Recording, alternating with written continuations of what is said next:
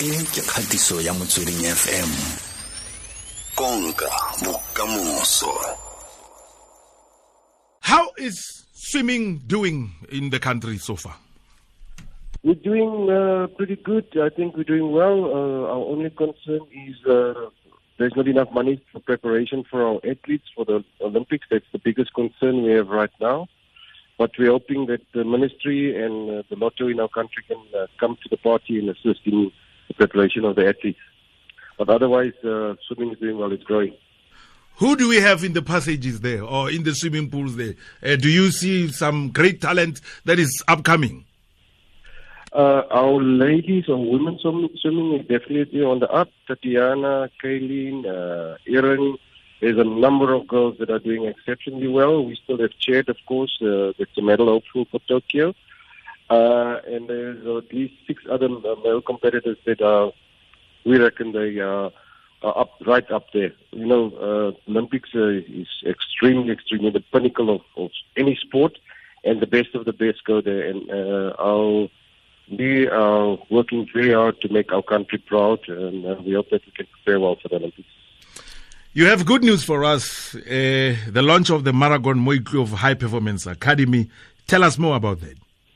Yes, we've just signed an agreement with Maragon uh, up in Pretoria. Uh, they have a beautiful facility, swimming facility and, and swimming pools. We have um, launched them as a high performance uh, academy. In uh, that, we mean that we have a, a high performance coach who can produce uh, high performing athletes that could prepare, that could participate in the world stage. Uh, they have invested in heating the facility, uh, ensuring there's a, a gym on, on site that the uh, swimmers can prepare. And we are very, very excited uh, about the initiative of Maragon. Uh, there is about four initiatives in the pipeline in the Pretoria environment, uh, like Maragon, and uh, it offers well for our high performance program. And uh, we are going to roll this out to 20 uh, schools, environments throughout the country. Uh, from Gauteng, we're going to go to the Western Cape and uh, launch at least three schools there, which will be high performance academies with real high class coaches. And uh, from a swimming perspective, uh, if not if not this uh, Olympics, uh, certainly the Olympics in Paris, we want to be um, at a position that we could have at least a couple of podium performances. Are there schools already with these facilities, or somehow maybe uh, Swimming South Africa is involved in uh, maybe starting the projects that uh, uh, these schools have these uh, uh, uh, uh, high performance facilities of swimming? The school has the facility. The school has invested a lot of money into the facility. What the school is making available to us and what we bring to the party is the skill of swimming. And uh, it's not only a high performance swimming, but also in just learn to swim. A school like Maragon has got a high degree of black um, um, students. You know, I don't have to explain the, the racial disparity in our country and the background that we come from, uh, and the absence of swimming in black communities. Uh, it it offers a very very unique proposition for us in introducing learn to swim to kids, which uh, they have at least uh, of more than 50% black kids, and which are already participating in, in, in swimming. We are encourage uh, our Department of Education to introduce uh, swimming in the curriculum, particularly primary school level. I've just attended the launch of the African Swimming Learn to Swim Swim for All program in uh, in Kempton Park at one of the hotels, and it's exactly what we want to achieve. Teach the young kids to swim. We will then go into talent identification.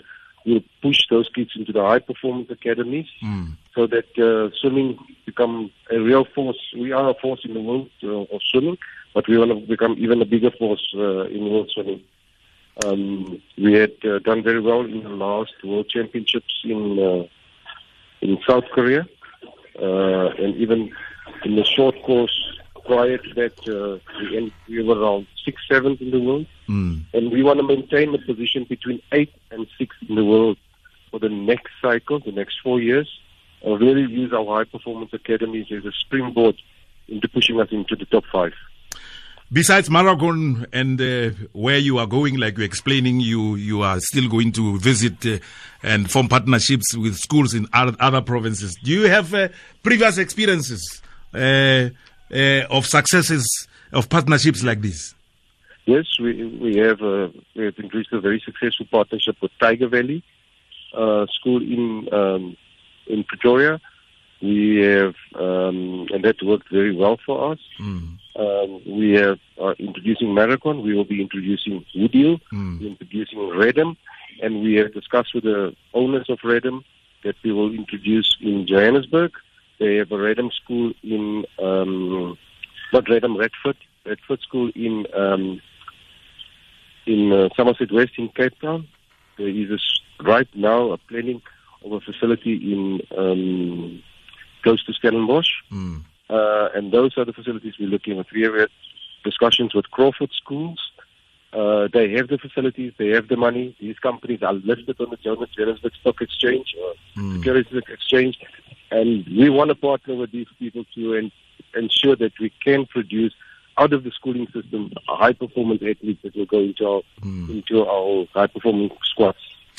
President of Swimming SA, uh, Mr. Alan Fritz, thank you very much for talking to us. Charlie Bocher, Charlie Bocher. Danke.